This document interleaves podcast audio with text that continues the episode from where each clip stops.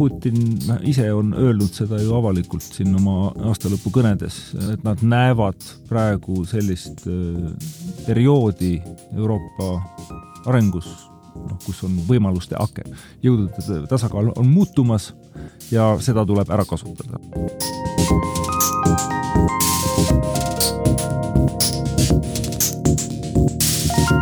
tere taas Eesti Välissuhete Nõukoja taskuhäälingust nimega Maailmanaba ja lindistame seda nagu ikka siin EBS-i podcasti stuudios Tallinnas.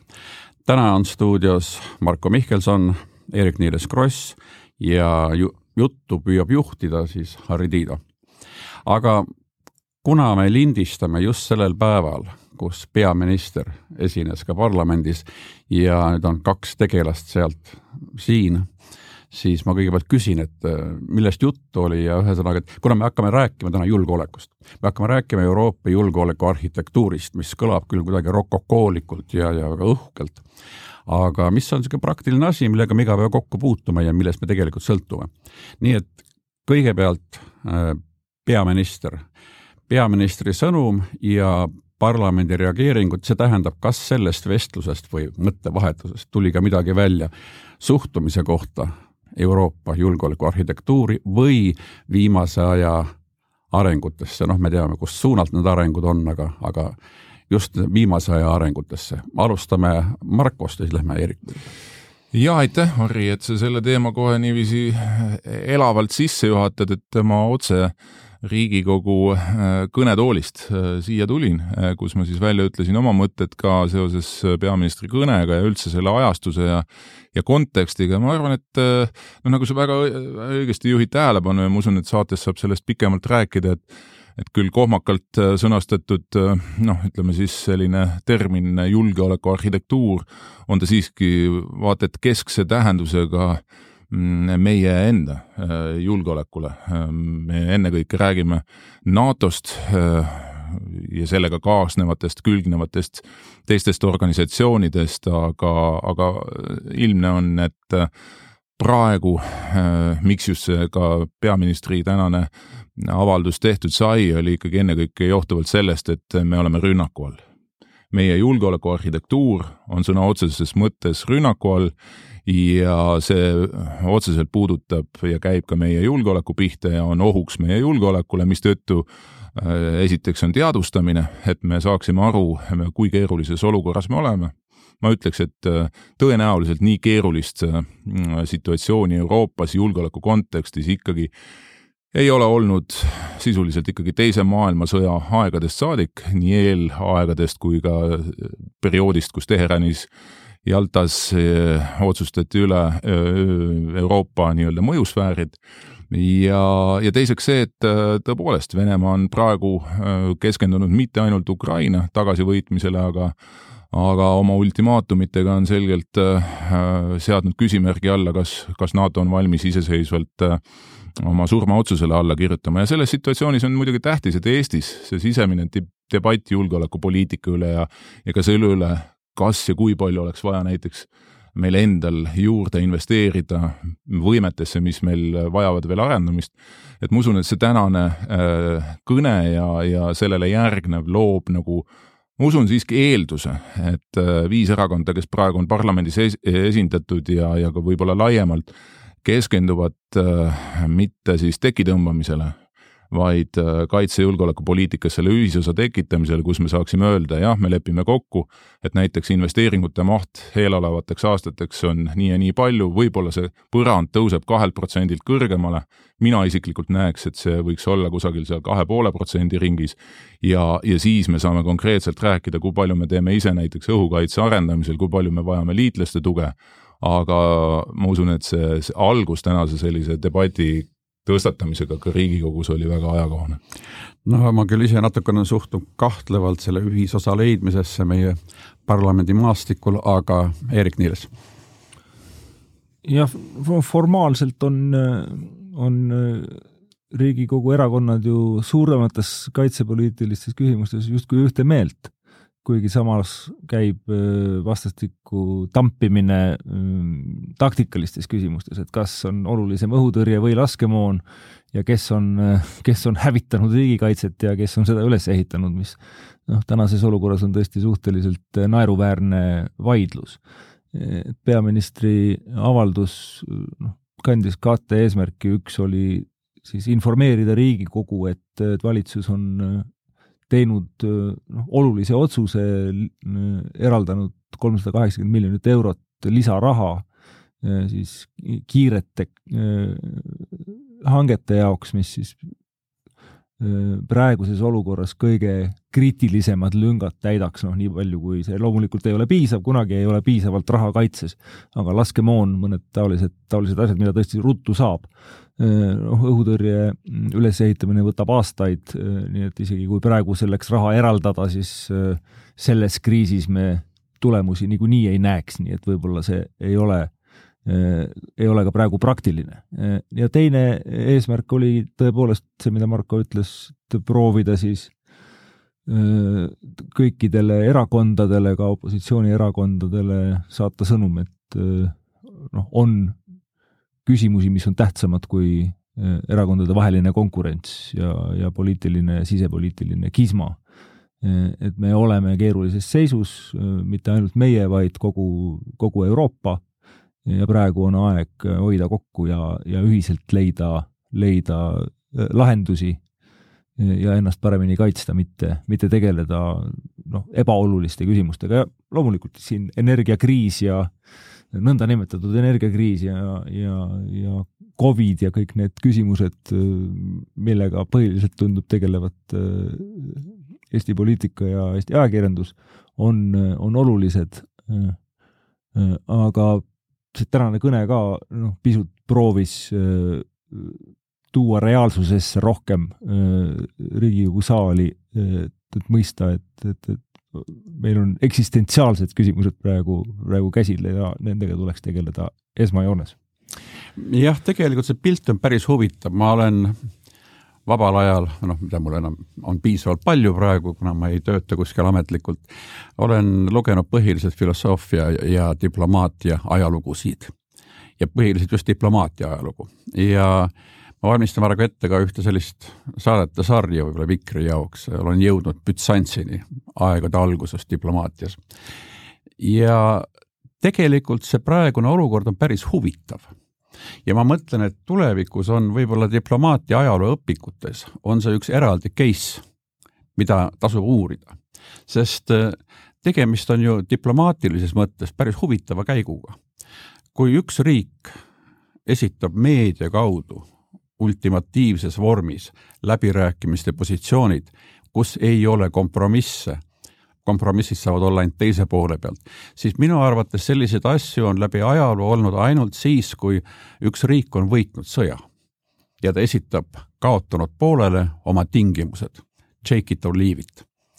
ja, ja selles mõttes see praegu see kolm suunda kui me vaatame seda kolme läbirääkimiste suunda, mida Venemaa on pakkunud USA-ga, no see on normaalne, siis räägitakse bossidega, eks ole, et nende kääpikutega pole mõtet askeldada, siis teine on NATO, okei okay,, noh, seal USA ütleb, mis teha, ja kolmas on OSCE, no mis on noh, niivõrd laialivalguv mõiste, et, et me isegi täpselt ei tea, mis see on.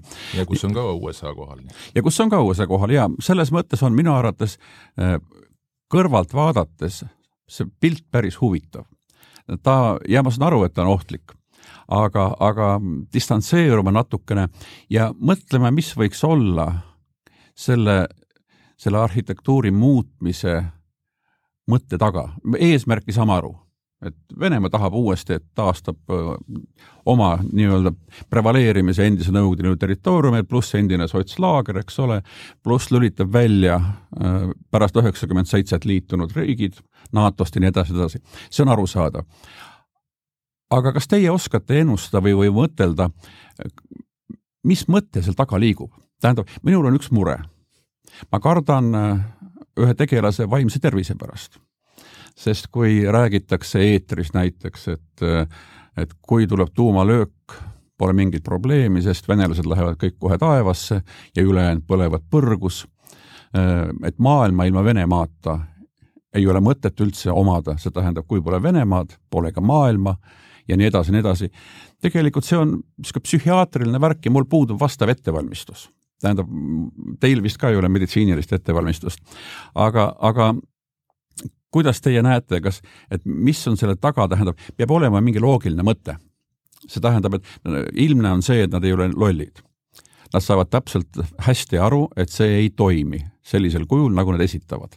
järelikult peab olema teine taust, kolmas taust, neljas taust, mida nad loodavad sel moel saavutada. hakkame jälle nii, et Marko mm. -hmm no sa intrigeerisid ikka korralikult praegu, et kuidas selle, selle, selle sasipuntra nüüd läht-, lahti arutada, et meil siin on vist ajaloolaste ülekaal on äh, laua taga, et äh, kui sa juba seda Bütsansi äh, näidet tood ja ütled, et või noh, et sa oled Bütsansini jõudnud selline põhjalikus taasläbilugemises, siis siis ja et midagi sarnast nagu täna meil silme ees lahti rullub ega tõesti, mina ei mäleta, noh, ei oska ühtegi head võrdlust tuua, loomulikult me ei, ei, internetiaega pole ka kunagi varem olnud, eks ju, et kus seda kõike on nii lihtne olnud aval-, avaldada, nagu nad on seda teinud.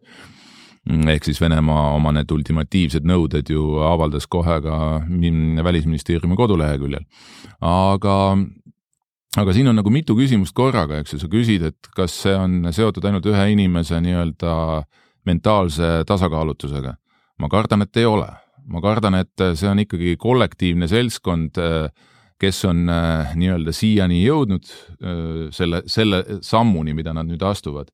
jah, võib-olla see üks inimene võib otsustada äh, edasiste käikude üle, ehk siis üks inimene, keda maininud ei ole, Venemaa president Putin, aga selge on see, et see nii-öelda drive, mis Venemaal sellise juhtkonnaga, kes on ehk siis juhtkond, kes on ehitanud, taastanud praegusel hetkel jällegi totalitaarse võimusüsteemi Venemaal, võib-olla isegi äh, karmimate tingimuste loomisel, mis siin viimaste aastakümnetega üldse on äh, ka endises Nõukogude Liidus olnud, võrreldav paljuski Stalini ajastuga, siis äh, esimene ja suurem, minu jaoks vähemalt arusaamine on see, et, et püsib äh, sisuliselt sõjaolukord, mille Venemaa lõi äh, tuhande üheksasaja seitsmeteistkümnendal aastal juba, äh, kui enamlased võimu võtsid, monarhia hävitasid ja kuulutasid kogu maailmale, et nüüd me võtame teid üle oma punalippude ja äh, loosungitega, eks ju. jah, paljude jaoks on küsimus, et kuidas seda saab võrrelda, aga minu arvates selle, selle taustal, mis Venemaa ju ka sada aastat tagasi tegi, ta lõi, taastas impeeriumi kodusõja tulemusel ja selle järgselt tegelikult ja asus piire laiendama, oma mõjujõu piire ja esitas soovi tegelikult eriti läbi kahekümnendate, kolmekümnendate aastate, et noh, kui ei õnnestu siin detsembri ülestõusude ja muude sekkumistega nagu riike pöörata ja enda rüppe tuua, siis ühel hetkel võib ka suure ka sõja kasuks pöörata, nii nagu tegelikult Stalin oma poliitikaga ja diplomaatiaga kolmekümnendate lõpus äh, viis olukorra sinnamaani, kus puhkes Teine maailmasõda, loomulikult. ta kasutas veel üht mentaalselt mitte väga stabiilset tegelast, äh, Hitlerit. ja, ja selle eesmärk oli luua esiteks ikkagi Euroopas olukord, kus Venemaal on absoluutne vetoõigus julgeolekupoliitiliste valikute üle, nii-öelda siis finlandiseerimine õnnestus küll ainult Soome näitel pärast teist maailmasõda, aga, aga ka mingil määral me võime ju rääkida sama äh, Äh, mis toimus raudse eesriide taga laiemalt. ja ega see mõtteviis ei ole kuhugi muutunud, täna samamoodi ju noh, nii nagu siin ikkagi läbi, läbi viimase aastakümne, aastakümnete on olnud, ameeriklased Euroopast välja, Euroopa või selle Euraasia väikese poolsaare üle, nagu see Euroopa meil on siin, selle üle julgeolekupoliitilise kontrolli saavutamine, ennekõike puhvertsooni loomine ja kui õnnestub siis ka mõnes olulises pealinnas enda kontrolli las näiteks korrum-, poliitikuid korrumpeerides või, või siseriiklikult neid riike lõhkudes äh, igasuguste nii-öelda mõjutusoperatsioonide kaudu seda saavutada. aga nüüd see üks põhiküsimus, millele ma usun, et on väga raske täna vastata. Nad on võtnud ette sellise rünnaku, teades, noh, nagu sa, Harri, ise ütlesid, et normaalne inimene nendele ei saa ju vastata kuidagiviisi jaatavalt või et isegi nende üle nagu asuda läbirääkimistesse on minu arvates alandav. järelikult nad peavad teadma, et, et ka teist ja kolmandat sammu või käiku, nad peavad teadma, et äkki, äkki nad arvavad, et mõnes lääne pealinnas, näiteks Washingtonis või veel kusagil, aga ennekõike Washingtonis on piisavalt neid jõudusid, kes neile kaasa elavad ma tuletan meelde, teise maailmasõja ajal oli Vene luure ikka väga võimas ja edukas Roosevelti lähikonda ikkagi mõjutama viisil, mis viis nende tulemusteni, mis teise maailmasõja lõpuni, lõpul tekkis maailma, maailmakorrani. noh, ennekõike, mis puudutas ÜRO-d ja, ja loomulikult poole Euroopa minekut Venemaa kontrolli all. aga teine pool on, on selles, et et võib-olla mäng ongi siis sellele, et küsi nii palju, kui praegu pähe tuleb, antakse ikkagi midagi, mida sa ei ole nagu tahtnudki võib-olla. ja, ja, ja nii nagu me oleme kuulnud mõningatelt analüütikutelt, äkki Ukraina loovutamine on väga väike hind selleks, et äh, hoida rahu jah, selles on oma, oma loogika täitsa olemas. ma tulen pärast kommenteerin seda omalt poolt ka, aga Erik võib-olla alustaks sellest, et vaataks korra noh, nii palju, kui me sellest teame, siis noh, kehtivat Vene doktriini, sõjalist doktriini või kuidas nad äh, näevad noh, täna, tänapäevast sõjalist operatsiooni ja siin on mõned olulised äh, momendid, mida võiks siis äh, kohald-, kohaldada tegelikult toimuvale.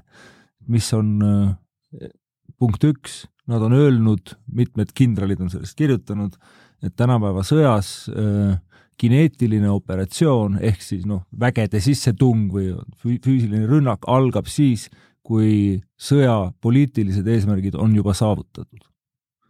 mõtleme selle peale, eks ole.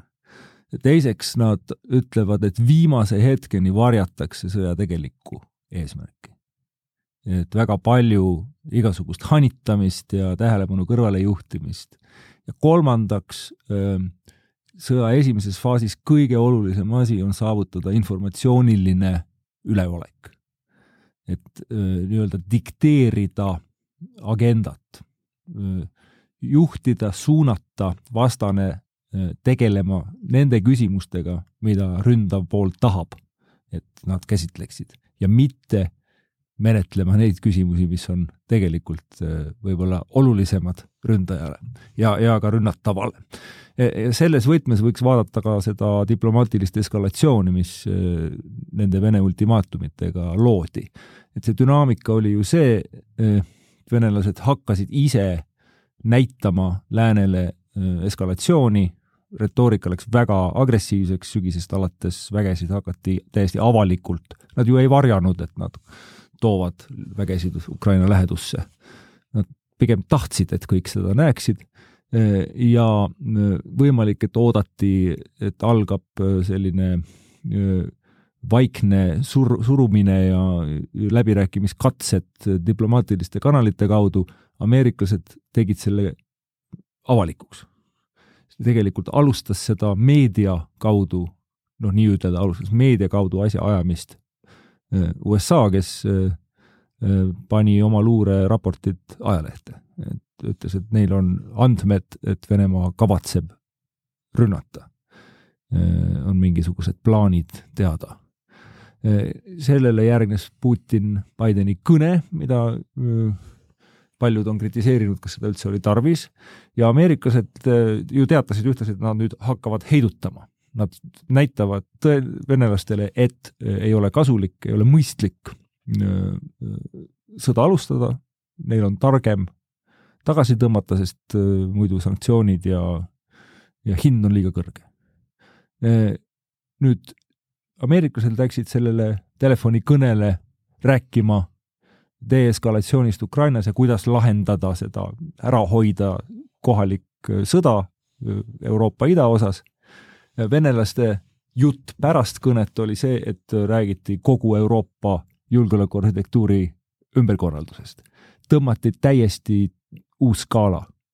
nii et Vene ja siis tulid ultimaatumid sinna otsa, noh, pandi paberile ja tehti avalikuks, noh, hoopis mingisugune teise dimensiooni jutt äkki, keegi ei rääginud enam Ukrainast ja nüüd me räägimegi kõik kõikides pealinnades NATO-s me räägime sellest, et kas, kas venelastel õnnestub ära lõhkuda NATO või mitte.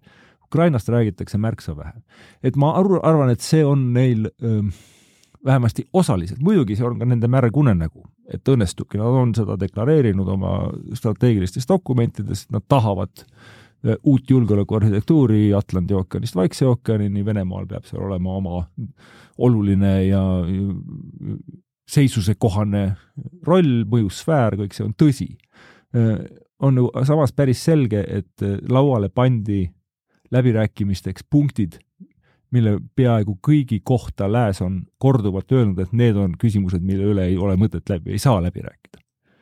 NATO enda kaitsevõime, avatud uste poliitika, mõjusfääride puudumine Euroopas, et kõik NATO liikmed on võrdsed, need on sellised fundamentaalprintsiibid. Nii et see on tegelikult, nagu inglise keeles öeldakse, non-starter, see dokument mida siis taheti, saavutati see vot ma kohe ongi küsimus non, non-starter, miks sa heidad lauale non-starteri? deklareer-, et nad, nad tegelikult nihutavad piire sellega ühtlasi.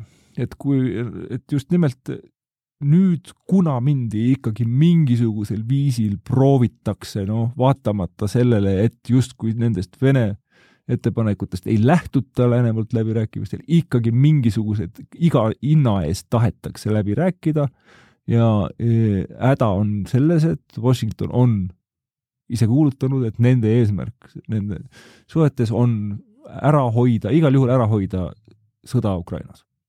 Vene eesmärk on ähm, taastada impeerium ja lõhkuda lääne ühtsus.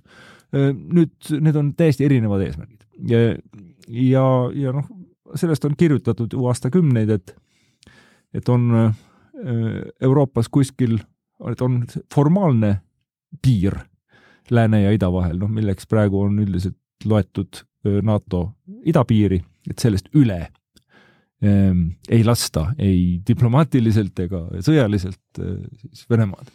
Ehm, aga kuskil on ka mm, nii-öelda tegelik piir, sellest on mitu tulevikusõja raamatut, et kus on see piir, millest peaks tulema üle Venemaa, eh, et reaalselt neile vastu hakataks.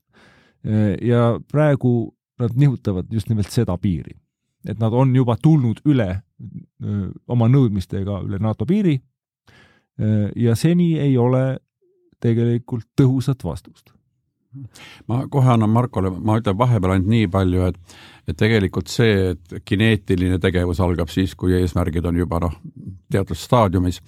Ähm, meil on üsna vähe räägitud, ähm, on selline Venemaa kaitseministri nõunik Andrei Ilnitski, kes on kirjutanud paar sellist äh, pikka lugu ja andnud ka paar intervjuud teemal mentaalne sõda NATO on tunnistanud kognitiivse sõja kuuendaks valdkonnas, kus see käib, sest tegelikult äh, ma olen siin täiesti nõus sellega, et põhimõtteliselt kineetiline sõda see on viimane etapp, kui seda üldse vaja läheb. see tähendab, et tegelikult ennem lahendatakse küsimused ära, aga siin on mõned punktid veel, kuid Marko siin vahepeal viibutas juba näppu, et siis ma annan kõigepealt sulle. ja et äh, tegelikult sellesama äh, nii-öelda teema jätkuks või sisse, et tuletan meelde, et siin äh, alles hiljuti ju Venemaa kaitseminister Sergei Šoigu ju intervjuud andes ütles, et et vaadake, et me oleme ju sõjas, me oleme suures infosõjas.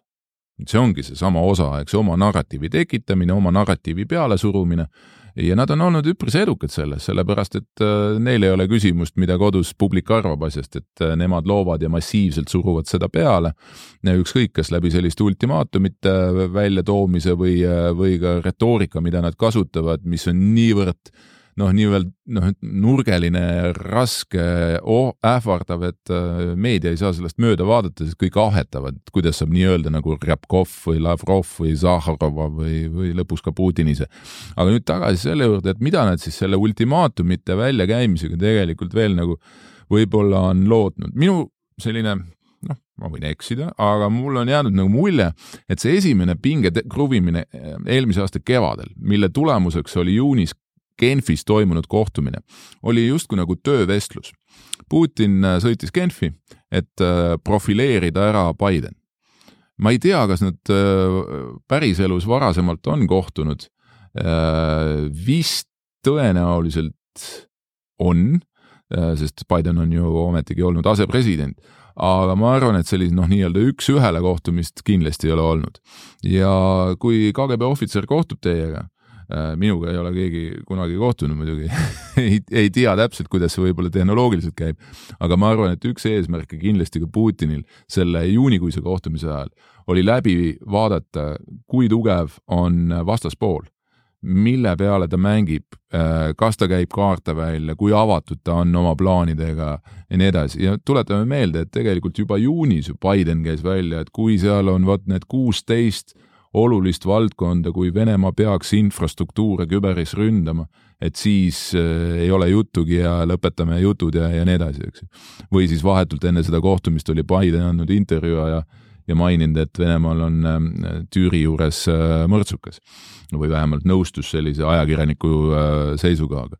ja ma arvan, et otsati tegelikult me võime otsida nagu seda pingete kasvu sügisest sellest, et võib-olla võib loodetavasti petlikult saavad venelased aru ja Venemaa saavad aru, et praeguse Bideni administratsiooni puhul on äh, mänguruum olemas ja võib-olla on mänguruum ka nii palju, et võib tõsta panused kõrgemaks kui ainult Ukraina ja, ja ma ütleks, et, et nad on teatud taktikalisi võite juba saavutanud. ma loodan, et need jäävadki ainult sellele tasandile, et esiteks ultimaatumite üle hakati läbi rääkima, minu arvates see oli vale.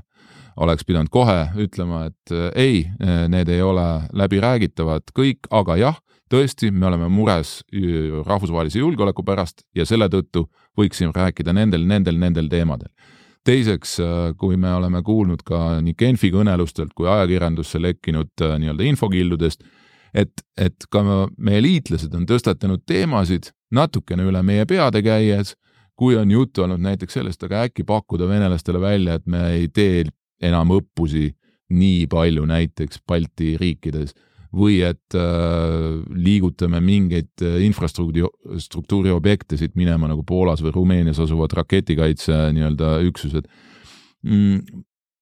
ma arvan, et Venemaa kalastab nende äh, kohtumiste kaudu seda, kui suur on see agenda või menüü millest saavad nad lõpuks hakata midagi valima või selle peale veel mingi uusi nõudmisi mm. esitada? kindlasti nad mängivad selle peale eh, ja noh, ilmselt on neil õigesti see välja raalitud, et et Valge Maja kardab sõjalist konflikti rohkem kui nemad. ja see, ja nad on juba ette sõjalise sekkumise omalt poolt, ameeriklased on selle nii-öelda laualt maha võtnud, nagu Eesti poliitikas öeldakse ja see annab loomulikult Moskvale üsna suure väljapressimise ruumi. praegu nüüd, kui vaadata viimaste nädalate signaale, mis Moskvast tulevad põhiliselt mingisuguste aktsioonide kaudu, lennuk, luurelend Soome kohal, Norra sõjaliste internetikaablite ründed, mingisugused kokkupõrked Briti laevade ja Vene allveelaevade vahel, diplomaatide väljatoomine Ukrainast, need on kõik sellised punase lipu intsidendid, mis indikeerivad suure sõjalise operatsiooni ettevalmistamist. võivad samas olla ka lihtsalt psühholoogilise surve vahendid. nii et, et avaldatakse massiivset psühholoogilist survet lääne ühiskondadele, pealinnadele, valitsustele noh, hirmutatakse. noh, loodetakse lihtsalt, et äh, mentaalselt me anname alla, enne kui üldse asjaks läheb. ja siis tekib tunne, et kui me pääseme sellest kõigest lihtsalt Ukraina kaotusega, siis justkui see on äh, hästi läinud.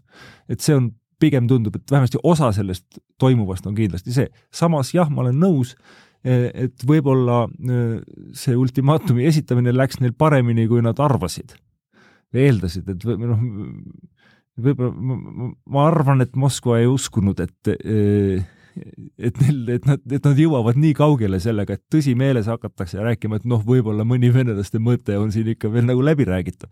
ja nüüd ollaksegi noh, süües kasvab isu et, et eks nad kindlasti ka vaatavad, et noh, et kau-, kaugele nad siis lasevad meil minna. tead, Eerik, mulle, kui sa siin ütlesid, et nad ise on ka üllatunud, et nad, et nii kaugele on asi läinud, ma vaatasin huvi pärast selle Sergei Ryabkovi äh,, siis asevälisministri pressikonverentsi, kui peale Genfi kohtumist, mis oli kestnud mingi seitse-kaheksa tundi äh, Vene esinduses Genfis äh, ja mul jäi selline mulje, kui ta rääkis äh, ise ja vastas küsimustele, et ta hoidis naeru tagasi. et tal oli nagu keeruline kuidagi äh, noh, olla selline nagu kuidagi nagu tõsine või, aga et see jäi selline mulje, et no esiteks on hästi läinud, et, et me oleme saavutanud väga palju ja mul on hea ettekanne presidendile siit tulemas, aga ka selline mängulust tundus olevat seal taga. et ma soovitan võtta ette Obama kahe tuhande neljateistkümnenda aasta kõne Tallinnas ja panna see kõrvuti nende vene tekstidega ja ma väidan, et need vene tekstid on otsene selline trollimisharjutus Obama kõnele, sest Obama kõne on kõige selline kontsentreeritum deklareeritud USA ametlik poliitika NATO suhtes, avatud uksed, kõik liikmed on võrdsed, mõjusfääride värki enam ei ole ega kunagi ei tule, me kaitseme kõiki oma liitlasi võrdselt ja nii edasi ja nii edasi. Me tugevdame kohalolu Balti riikides ja, ja ida, idapiiril ja kõik, kõik, kõik see kõik need toredad head asjad. ja nüüd, kui vaadata siis venelaste see, nende lepingutekstide ees on ka veel üks selline ohuhinnang. kui võtta see ohuhinnang ja need lepingupunktid, siis nad ükshaaval lükkavad ümber lõikhaaval seda Obama kõnet, et see on selline, tundub, et nad lihtsalt võtsid selle ameeriklaste poliitika ja trollisid seda põhjalikult ja nüüd kogu maailm arutab tõsise näoga venelaste muresid. siin on nüüd paar aspekti, tähendab tegelikult diplomaatias on niimoodi, et näiteks ka diplomaat, kes pannakse mingit delegatsiooni juhtima, on märk. Ryabkov on märk. ma ei tea, kas te nägite, kuidas nad fotol seisavad, ta seisab noh, umbes nagu selline noh, niisugune jorss, et kohe pasunasse andmas. jah, ja, ja, ja tema, tema terminoloogia umbes, et noh, et NATO-lased korjaku oma kodinad kokku ja kadugu ära või midagi sellist, see on, see on täiesti ebadiplomaatiline, kuid samas võib ta võib muidugi eraelus väga tore inimene olla, ma olen kohtunud Vene diplomaatidega, kes on täielikult mölakad laua taga. aga samas joome koos veini ja, ja saame väga sõbralikult läbi, ta ütleb, et mul on töö selline. nii et, et see on ka märgiline. aga ma ütleksin ühe positiivse, et ma ei unustaks ära ühe positiivse märgi siia juurde. kui te panite tähele, siis viis tuumariiki tegid avalduse, et nad nii-öelda püüavad vältida tuumarelva kasutamist. see oli nagu noh, kuidagi nagu jäi selle, selle pinge varju. aga, aga see on minu arvates, see on mõneti ka märgiline. sellega nagu taheti näidata, et, et me kakleme küll, aga, aga me siiski ei taha minna noh, nii kaugele. kuid mis mure on siinjuures? see, et Venemaa on esitanud nii palju nõudmisi on nad seadnud teatud positsiooni, kus nad peavad midagi oma elanikkonnale näitama. ja, ja tegemist on Piiteri kangialuste pättide seltskonnaga. sest psühholoogia on sealt pärit, kuritegelik psühholoogia. aga kuritegelikus maailmas, kui Bahan on midagi lubanud või nõudnud, siis ta peab seda ka näitama, et ta on saavutanud, muidu ta kaotab staatuse. ja minu mure on see, et kui nüüd Putin järsku näeb, et noh, et, et see on liiga, liiga, liiga pisiasjad ja, ja pehmed värgid, et ma kaotan oma staatuse, kui ma nüüd ei näita, et midagi saavutasime. minu isa, kellel oli kaheksa-aastane lähedane kokkupuude eh, erinevate platnoiliste struktuuridega muuhulgas, eh, Vene vangilaagrites eh, õpetas mitmesuguseid asju läbi lugude ja üks lugu, mis ta mulle rääkis õppetunniks ellu, oli see, et kui sa satud Vene vangi, lükatakse kambrisse sisse, siis üks esimesi asju, mis juhtub, et tuleb mingi platnoide esindaja ja surub sulle pihku, kas proovib suruda kas põrandakaltsu või harja ja ütleb, et hakka põrandat pihkima. ja siis tuleb võtta jõud kokku ja talle nii kõvasti vastu hambaid anda kui võimalik. jaa, minu isa kaltsu, rääkis sama lugu. kaltsu vastu võtad, siis oled, siis oled petuh ja jäädki põrandat pühkima ja noh, see kehtib väga paljudes olukordades elus üldiselt ja eriti Venemaaga läbi rääkides. ultimaatumi vastuvõtjate suhtes sama paralleeli praegu? no mulle tundub, et põrandakaltse anti, eks tead, minu, see on väga hea, mida sa praegu, Harri, välja tõid, et et kas sa oled tähele pannud, et viimasel ajal sellises vene nii-öelda narratiivis või rahvafolklooris on hakatud meenutama sellist filmi nagu Brat ja Brat kaks. jaa, eriti Brat kaks. Brat, Brat kaks, mille tegevus toimub Ameerika Ühendriikides, kus äh, kangelane tapab äh, mustanahalisi ja ja, ja, ja, ja on ühesõnaga noh, nii-öelda äh, loob korda äh, vene äh, mõtete ja põhimõtete alusel. aga see platnoi keel, see on tõesti, see on nagu levinud ka diplomaatilisele tasandile, mida ikkagi ei ole Venemaa no väga sageli kasutanud. okei okay,, tuletame meelde, kuidas Mol-, Molotov nimetas, eks ju, Poolat Ülemnõukogu kõnes kolmekümne üheksanda aasta sügisel, et Versailles rahulepingu eh, nürisünnitus e,. praegu üritatakse Balti riikidest tekitada sama muljet, Solovei ju sinna väidab, et kõrgemas ešelonis peetakse Balti riike siis Nõukogude Liidu lagunemise nurisünnituseks ehk siis äh, dehumaniseerimine ja ka vastase äh, mahategemine, mingiks porilapiks muutmine, on see, mis nagu lisab justkui seda bravuurikust. Ja nüüd on küsimus on selles, et kust peaks tulema vastus ja milline see vastus on. Ja ma pean ütlema ausalt, ma veel ei näe seda vastust. vot see ongi minu küsimus, et, et selle Platnoi loogika kohaselt on vaja nüüd staatuse mittekaotamiseks tulemust aga milline saab olla see tulemus, okei okay,, ma saan aru, et noh, kõike võib maha müüa, eks ole, elanikkonnale läbi, läbi seal Kisseljovide ja, ja kogu selle Salaveide ja kõikide muude. aga küsimus on see, et, et, et kus on see riskiaste, vot siin on see riskiaste. et kui ei ole midagi anda, tähendab, Bahan ei saa näidata, et ta on saavutanud. Et mis on see, mida ta siis, milleks ta on valmis selle nimel, sest ta teab, et tema staatus on mängus ja siin on nüüd küsimus juba, siin läheb juba noh, tehniliseks küsimus, kui palju Ukrainast, eks ole, ja nii edasi, nii edasi, ja milline võiks olla lääne reageering, sest ma arvan, et lääs on, lääs on mentaalselt teistsugune kui Venemaa.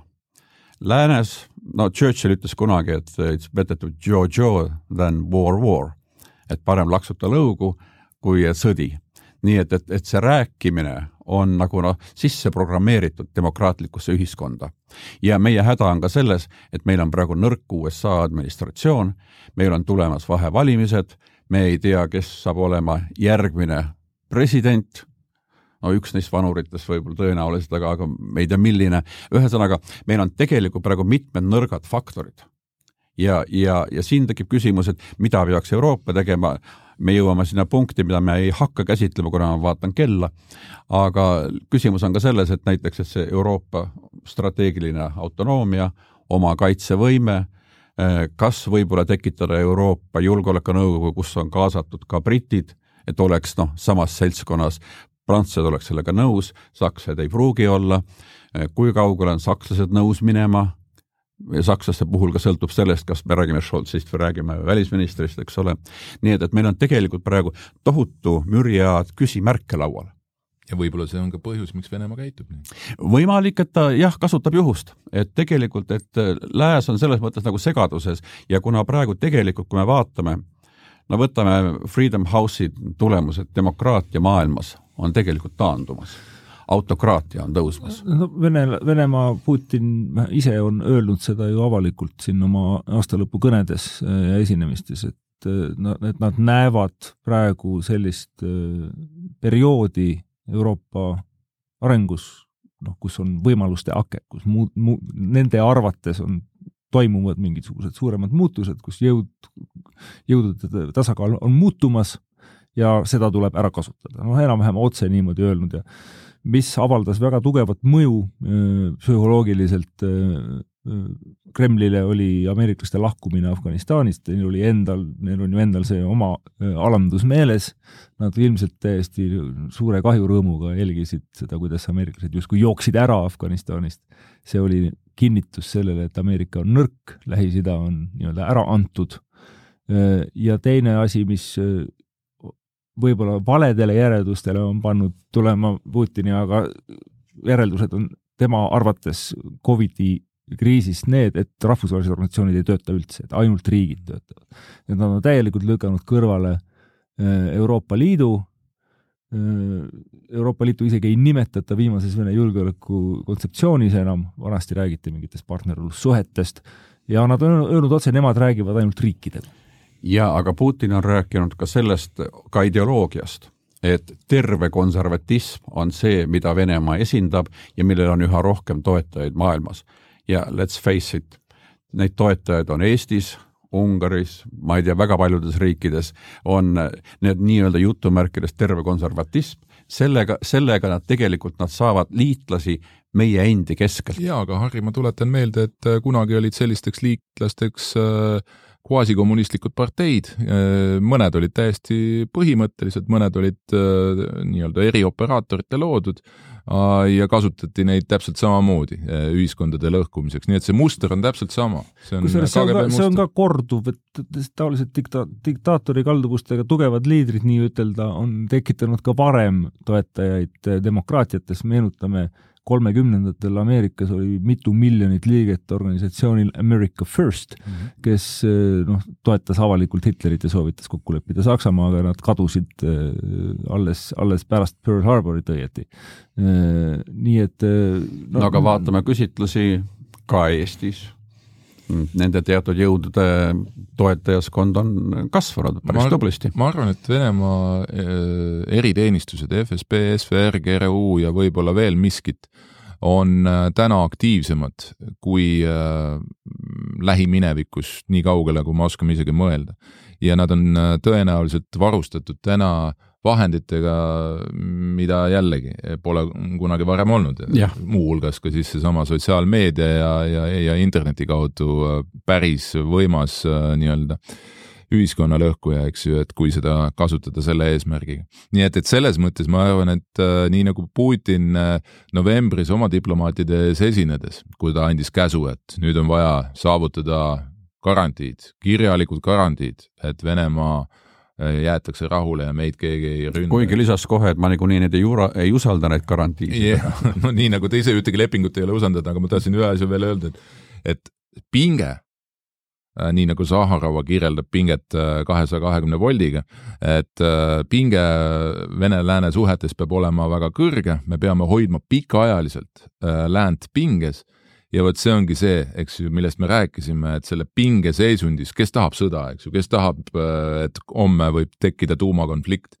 loomulikult selles situatsioonis hakatakse otsima, mis on nagu siis äh, äkki see kõige valutum äh, taganemistee muide, üks, üks lõks on, on juba seatud ju veel läänele, et praegu Moskva nõuab järjekindlalt ka täna kohtumisel, Lavrov-Blinken kohtumisel olevat uuesti seda nõutud, et ameeriklased esitaksid kirjaliku vastuse nendele ultima-, ultimaatumitele, nõuavad kirjalikku vastust.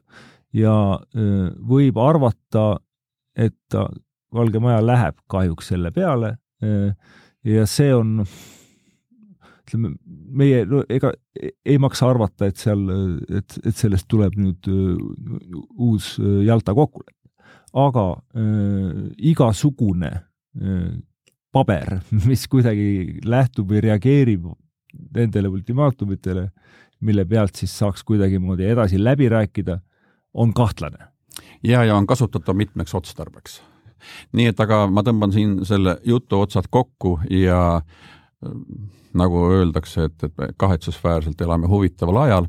Ehm, muide, diplomaatia osas ma soovitan lugeda Hiina viimase aja diplomaatiast, seda sõdurhundi või hundsõdalase diplomaatiast.